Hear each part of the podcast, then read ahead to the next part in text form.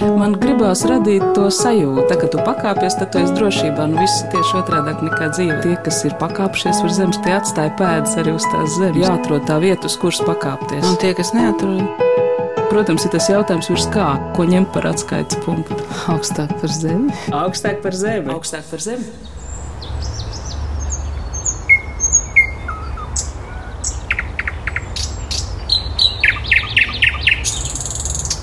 Padomā, mēs te sēžam un mums visu laiku ir koris fonā. Brīnišķīgs eh, pavadījums. Un smaržs jau tāpat, nu tā dzīve it kā notiek, bet visu laiku ir tas smaržu koris fonā. Jā, un to mēs bieži vien pilnīgi nepamanām.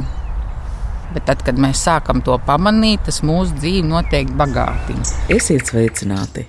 Izdevniecībā Aminorī iznākusi Marikas Rozenbergas sakārtota dzējas izlase Smarša 19. un 20. gadsimta dzēnieki par neredzamo dimensiju. Mans vārds ir Anna Bušvica, un izmantojot atvieglojumus epidemioloģiskās piesardzības pasākumos, arī laika apstākļus, izpaudam iespēju satikties klātienē Latvijas Universitātes botāniskajā dārzā. Krājums Smarša ir turpinājums pirms gada iznākušajai dzīslas izlasēji Mierinājums, kas savukārt bija domāta kā uzmundrinājums krīžu nogurdinātajiem. Un tā ir Marikas Rozenbergas ideja, ka brīdī, kad realitāte nesniedz iepriecinājumu, tas jāsameklē dzējā. Tagad pēc sērijas jau otrās, smaržai veltītās dzīslas izlases iznākšanas, nākas atzīt, ka lietu, kas sniedz mierinājumu un iepriecinājumu, pasaulē ir daudz vairāk.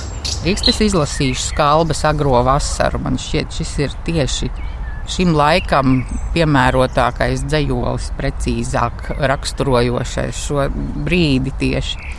Kārlis Skalbe agrā vasara. Ielās, namos, dārzos, visur ceriņi. Ziediem nobiruši visi celiņi, bišu sanēšana dārziem cauri slīd, gaiša svinēšana, kastaņas vecēs spīd. Krājuma smarža apakšvirsrakstā sastādītājs smaržu dēvē par neredzamo dimensiju. Es, piemēram, vakar aizdomājos par to, ka jocīgi, bet es neesmu lasījusi latviešu dainās neko par smaržu. Varbūt, ka viņi ir lietojuši citus vārdus, bet man šķiet, ka viņiem tas īsti nav bijis nekur pieminēts, ka tas skaistums tomēr vairāk senajiem latviešiem ir saistījies ar vizuālām lietām. Ka varbūt ka tā smarža ir pieņemta kā kaut kāds, nezinu, pat par sevi saprotama lieta, par ko vispār nevajag runāt. es nezinu. Pirms mēs vēl pievēršamies dzīsniekiem, es gribu saprast par tavām attiecībām ar smaržu. Šur tur tu tiec pieteikt kā smaržu zine. Es zinu, ka tev ir savs bloks par smaržām. Bet tu neesi īsti no tiem, nu, tos laikam sauc par parfumēriem, cilvēku, kas rada smaržas. Kāda ir tava niša, tava nodarbošanās? Smaržu zine. Man vienā brīdī radās šis vārds kā salīdzinājums ar vīnzini, kurš pats arī nav vīna darītājs, bet viņš ir zinātājs, viņš var ieteikt, viņš orientējas vispār visās tajās garšās.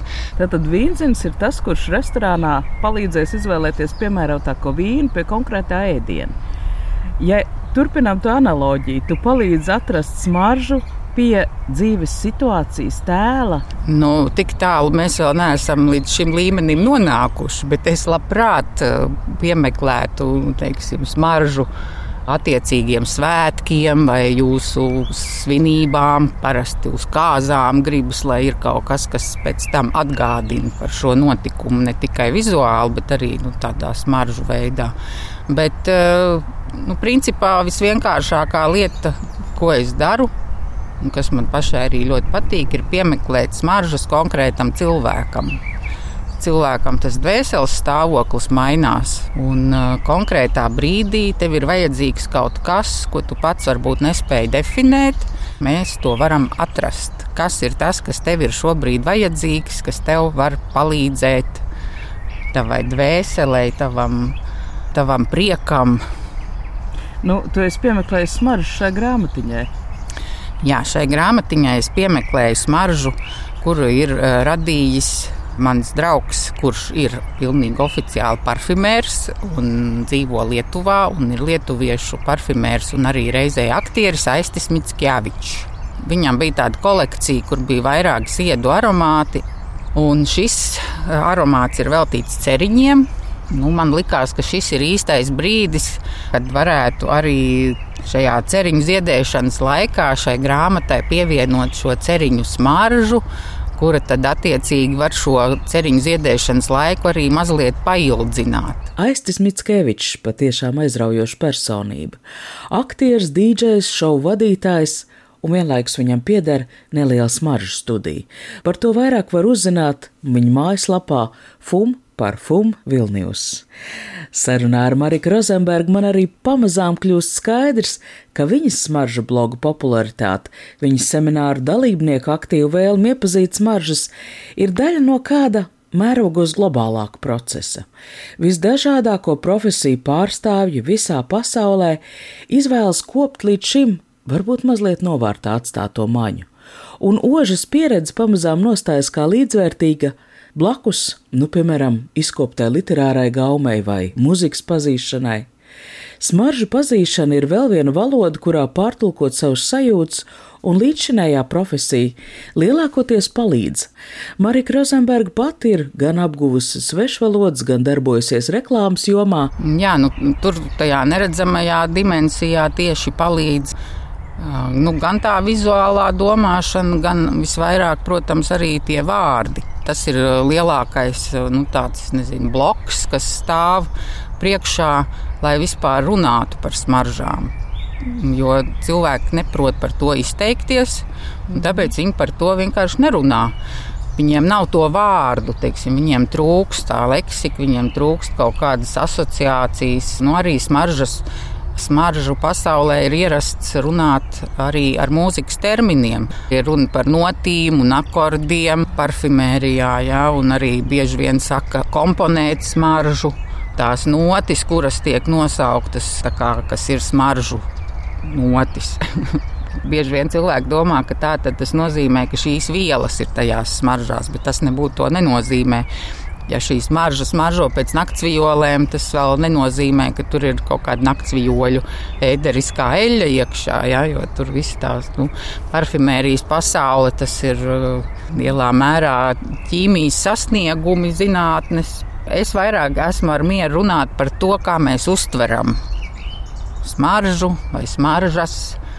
Līdzīgi ir arī ar dzēju izlasē smarša. Ne visos dzējoļos ir pieminēta vai aprakstīta smarža. Reizēm dzēnieku uzburta aina ir tā, kas pamodina receptors, atmodina sajūtas. Šķiram grāmatu. Nu, viens no smalkāk jūtošajiem latviešu dziniekiem, kurš arī iesāka man šo dzīslu krājumu, ir Eriks Ādamsons, kuram, kā zināms, ir arī stāstu krājums smalkās kaites. Un šeit uh, man patika salīdzināt viņu ar uh, franču rakstnieku Marcelu Prustu. Jo zināms, ir uh, zudušo laiku meklējot aprakstītais gadījums, kurā ēdot madlēnu cepumiņus, Marcelam Prustam pēkšņi ataust atmiņā ļoti spilgta, bet sen aizmirsta aina no bērnības. Un izrādās, ka Eriks Ādamsons ir sarakstījis dzējoli Hiacinte kurš ir mazliet vēsākā laikā, teiksim, Marta dzējolis tāds. Lūk, jauka atmiņa no bērnības. Marts, hiacintes zieds, gaišs zils ir tas, uz galda smaržo it kā sniegs un medus. Aiz loga kuģu darbnīca iet ledus, rūkst upes līcis, palu laiks ir klāt. Vēl burinieki snauž, bet ne labprāt. Daudz jaunu ielāpu tiem sānus klāja Sauc līksmie ūdeņi, krasts jāatstāj, skan ziemas un skan pavasara balsis. Es zinu, šodien skan tās pamīšus. Ir mājas godības, kāds savāds valsis uz klavierēm tiek spēlēts, viesi klus. Nes māte Ķīnas riekstus mandeles, nes bilžu grāmatu un dodos es drīz pasaulē ar runci zābakos, kas zobenu kā junkurs veikli cilā. Tā atceros es palu svētkus šos, ar vienu, kad smaržo hiacinte zilā. Es domāju par to prustu un tiem cepumiem, vai nav trakums, ka daudzām lietām tiek uzspiests tāds tā kā zīmoks. Nu, neviens vairs nevar apēst to madlēnas cepumiņu, nepadomājot par prustu. Nu, man liekas, tā ir tieši madlēnas cepumiņa pievienotā vērtība. Un šādu jau gatavu tēlu izrādās netrūkst arī latviešu pirmskara dzējā.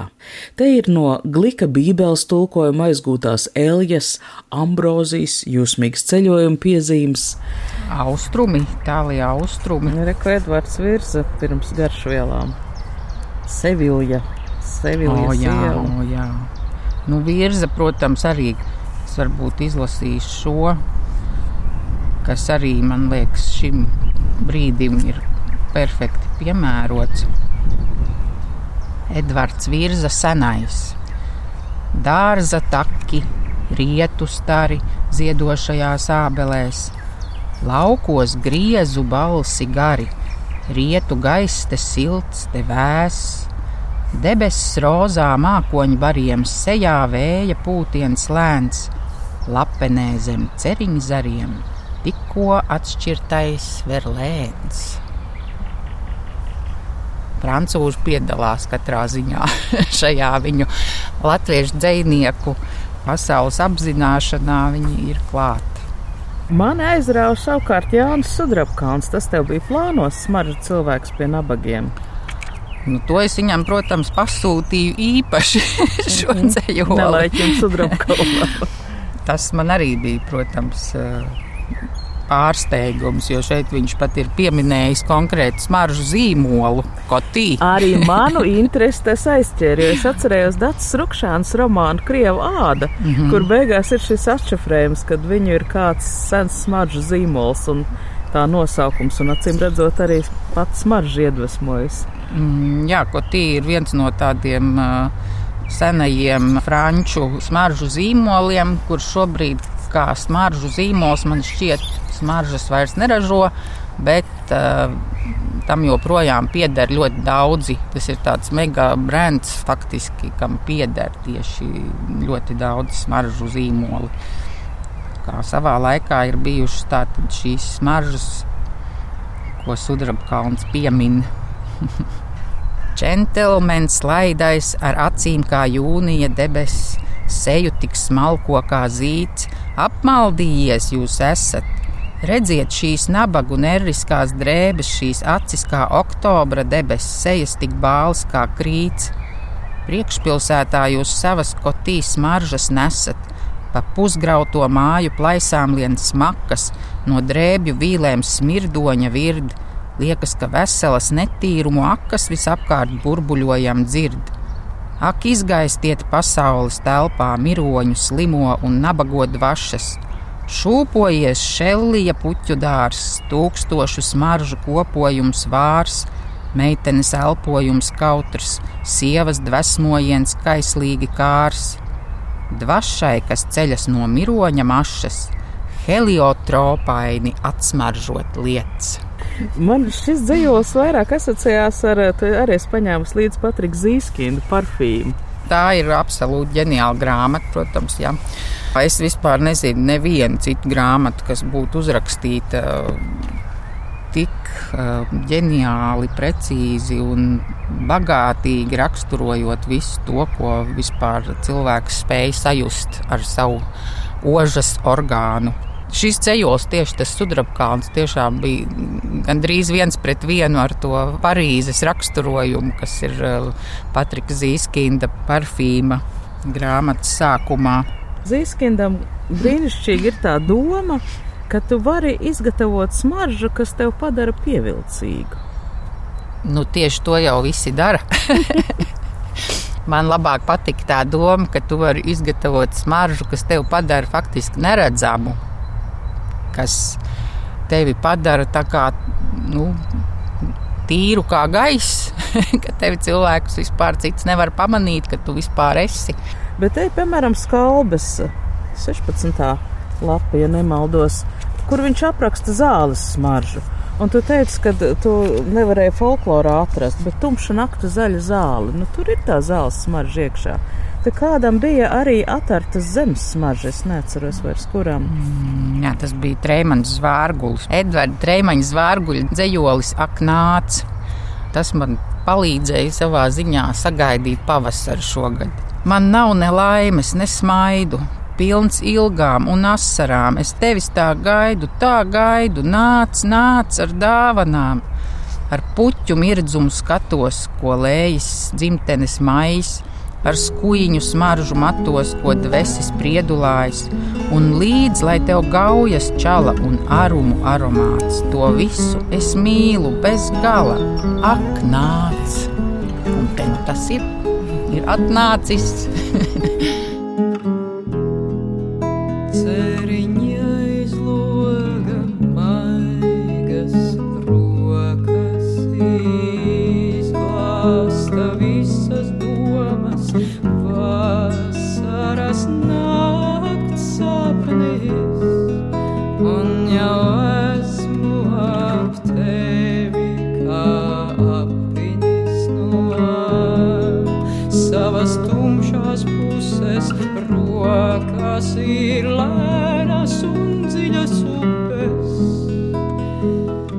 grupa Rīsas zvejnieki dzied Ante Eņģele, dzēja Ilza Trumpe.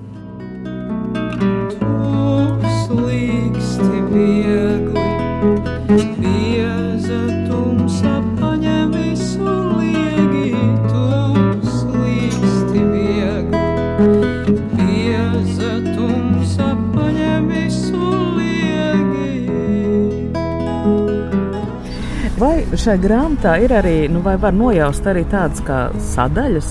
Savā ziņā es mēģināju to ceļoļu sakārtojumu pielāgot gada laikiem un tam, kā vispār uzzied šie ziedi, vismaz Latvijā. Ja. Tāpat laikā ir ļoti daudz arī mīlestības dzējoļu, kuri nu, pēc tāda varbūt šabloniska priekšstata sākas pavasarī un beidzas rudenī. Kaut gan, protams, iespējams pilnīgi pretējs variants. Parunāsim par mīlu. Krājumā smarža ir dzējoļi arī no, manuprāt, viena no visskaistākajiem mīlas lirikas piemēriem latviešu literatūrā - Linārda Laicena krājuma Hotai. Jā, Linārds Laicens ar saviem Annai Lācis veltītajiem dzējoļiem. Es lasu šos dzējoļus Hotai ļoti īpatnēji viņš runā par smaržām. Viņš eh, it kā meklē to cilvēku, mēģina norientēties smaržu jūklī. Viņam vienkārši šis cilvēks, kā tas parasti arī mēdz būt, šis cilvēks viņam konkrēti saistās ar vienu noteiktu smaržu, un šo smaržu viņš tā tad arī meklē. Viņš meklē šo cilvēku, viņa smaržu un uh, apraksta visas tās vietas un visas arī smaržīgās un smakojošās vietas, pa kurām viņš ir staigājis, mēģinot sajust pēc smaržas, vai šī sieviete tur ir bijusi vai nē. Es tevi meklēju, Hotai, mans draugs, tajā pilsētā, kur bijām vakar, kur mūsu rokas sastapās starp kokiem. Es tevi meklēju, Hotai, tajā pilsētā, kur kafejnīcu tvaiki un vīna pagrabi gar bulvāriem un skvēriem.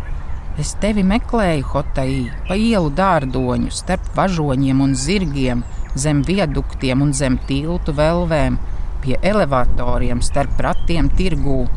Es kuģos iekāpu starp mašīnām un oglēm, un ostā stāvēju pie noliktavu durvīm, kur kafiju no javas izlādēja. Pie veikaliem, kur ķīnas tēja bija plauktos sakrauta starp budas tēliem, Starp orhidejām puķu mājās gāju un apmulsu un apreibu no smaržām tev līdzīgām, tev vienai. Pa trepēm desmit stāvu namos skrēju un apstulbu, vai istabas te izdod. Vai nebūtu tu muzejos, vai galerijās, vai kinofilmās, teātros vai cirkos, uz skatuvēm starp kulisēm zem smiņķiem, pieretas kostīmā vai kolumbīnē? Pat tepiķus un gleznas izpētīju un vecas portrejas un statuetes. Es pat domāju, ka pēc šī dzējoļa tiešām varētu uzkomponēt vienu brīnišķīgu aromātu, kur būtu gan tā kafija, gan tie kuģi ar tām oglēm un tās orhidejas vēl. Nu, te ir viss aprakstīts. Nu, kas viņam saistījās varbūt arī ar to sievieti. Sveiciens krājumā smaržu pārstāvētajiem 19. un 20. gadsimta mīlas liriķiem no 21. gadsimta. Ir māte mani, ir māte, ho, ho, ir māte mani, ir māte, ho, ho, māte ir mani palaidusi, ja viņa to vēl nezina. Tevi, tevi, tevi, to vēl nezini. Citronkrāsmenes bez jūtām, aug lielāks viņš to nemaz nezina. Piektdienā nopaļos gultas stūros un pēc tam mūs. Kas to lai zina, ir māte māte. Madars Gruntmanas dzēja, Māršvērna muzika un arī šai dziesmā no albuma sinhronais tulkojums dzēja caurvīs marša.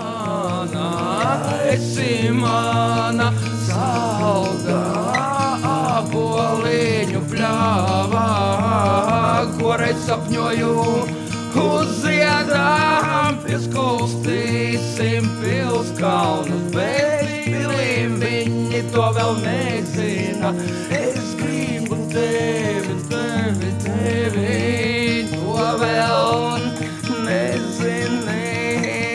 Ir māte mani, ir māte, ho, ir māte mani, ir māte, ho, ir māte mani, ir māte, ho, ir māte mani,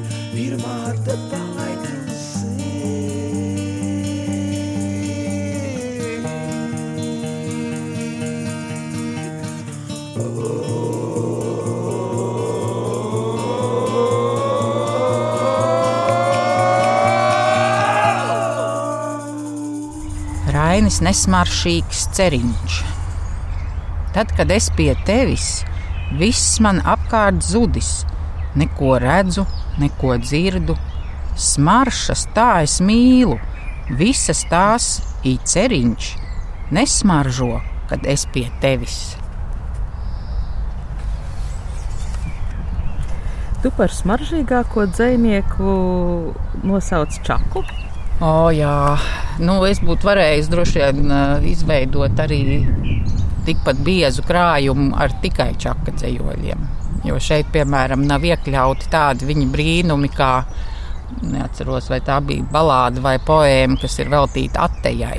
Aleksandrs Čaks šķiet pat visikdienišķāko, visprastāko, pat nicināmu smaržu, spēja apdziedāt tā, kā ap to savērpjas kosmos. Balāde par ābolu smaršu. Nu, tā ir tāda oda smaržām. Un kas man vairs riebīgās, siltās vērsmas un smakas, ko iztvaiko durvis un akas, patrepju rīkles, asfaltu dubļainā mīkla un skursteņu nāsis? Kas? Pakārt savā iedomu kāsī vēl miklu es nolasu rasu no laternu stikla un uzveru to savā pirkstā, lai rādītu citiem, kā dzirks tā. Sirdi es pāršķeļu krūtis ar dēlnu un izņemu laukā kā putnu. Smiltis, smiltis es paņemu rokās, uzpūšu elpu un pieberu pienam kā sutnes. Smarša, es redzu visu lietu gaitu un dzisu. Ābolu smarša valda pār pasauli visu. Smarša, dīvainā ābolu smarša, tu, kas sniedz maniem sapņiem, ko atsēsties krēslu, ļaujies, ļaujies, lai tevi ņemu es saujās, valgu un mīkstu kā rudens krēslu. Nu, arī šis uh, tumsa smaršoja vāri pēc vaska. Lūk, ir jau uzbūvēta istabas atmosfēra. Jā. Tad vēl īpaša tēma ir medus. Medus, kas Aspazijai pārtop ambrozijā. Medus man ir jā, vasara, liepu ziedi, kur vienā atvērumā ir satikušies Eriks Ādamsons un Mirdza ķempe. Tev vasara ir lūpās medus garša, no liepas zieda sūkta, un svelmains bišu spiedz dūts noguris pār tavām kailām krūtīm. Uz zālēm nopļautām tu galvu liec, no saldām vībotnēm un vērmeļlapām rūktām, piekūp tavu sapņu, smarža kaislīga un grūta.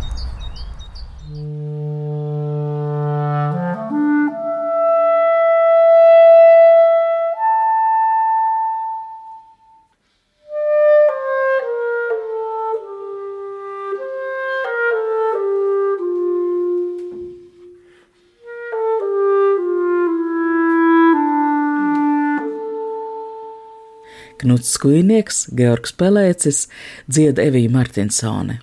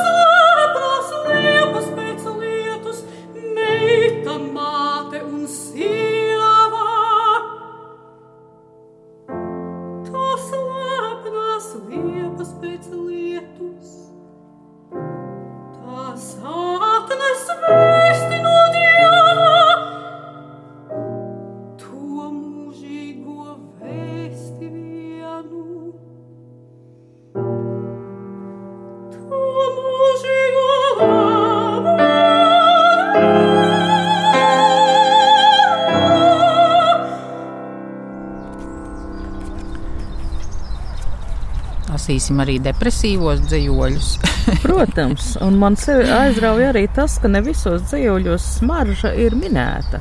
Viens vienīgais dzīslis, kurā patiešām nav pieminēts ne vārds smarža, ne aromāts, nekas tam līdzīgs, ir Aņa zem cipreses, ko es iekļāvu, tāpēc, ka patiešām šis viņa ainavas apraksts, kuru nu, es ļoti spilgti iedomājos, ka viņš stāv pie Lugāno un karstā vasaras dienā stāv cipreses ēnā un met akmentiņus ezerā. Nu, vienkārši brīnišķīgs dzējolis, kurā nu, var sajust to, to Šveices kalnu, varbūt ezera visu to smaržu, kas viņam apkārt tajā brīdī ir bijusi, kuru viņš nav it kā nemaz pieminējis, bet viņi tur pilnīgi noteikti ir. Nu, tad lasa. Rainis zem cipreses. Ciprese stāv saulē priekšā, augsti rokas sacēlusi. Es no vēsās ēnas metu akmentiņus ezerā. Dzelteni ar sārtām švītrām, caurspīdīgi, marmora balti, sānos kristālīši mirgo sitot uguns dzirkstes lec.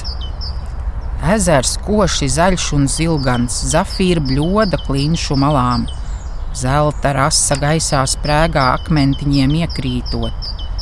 Zaļais virsmas sudraba blokus simtiem liec ap akmentiņiem. Tāli līdz pat ūdens galam ilgi ezers viļņu svīj. Sudraba bloki lēni izgaist, zafīra līmenis gludi vizo, visi raibie marmorbaltie dzidrā ezerdzelmē grimst.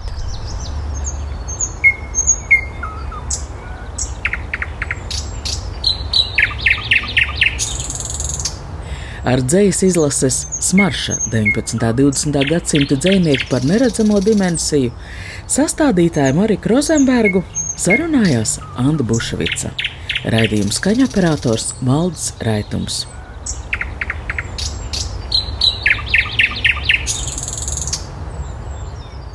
Tā kā tu pakāpies, tad tu esi drošībā. Nu, viss ir tieši otrādi nekā dzīve. Tas ir tā spēle, jā. Tie, kas ir pakāpšies uz zemes, tie atstāja pēdas arī uz tās zemes. Protams, ir tas jautājums, ko ņemt par atskaites punktu. Nē, nu, principā ir skaidrs, augstāk par zemi. Jāatrod tā vieta, uz kuras pakāpties. Augstāk par zemi. Augstāk par zemi. Augstāk par zemi.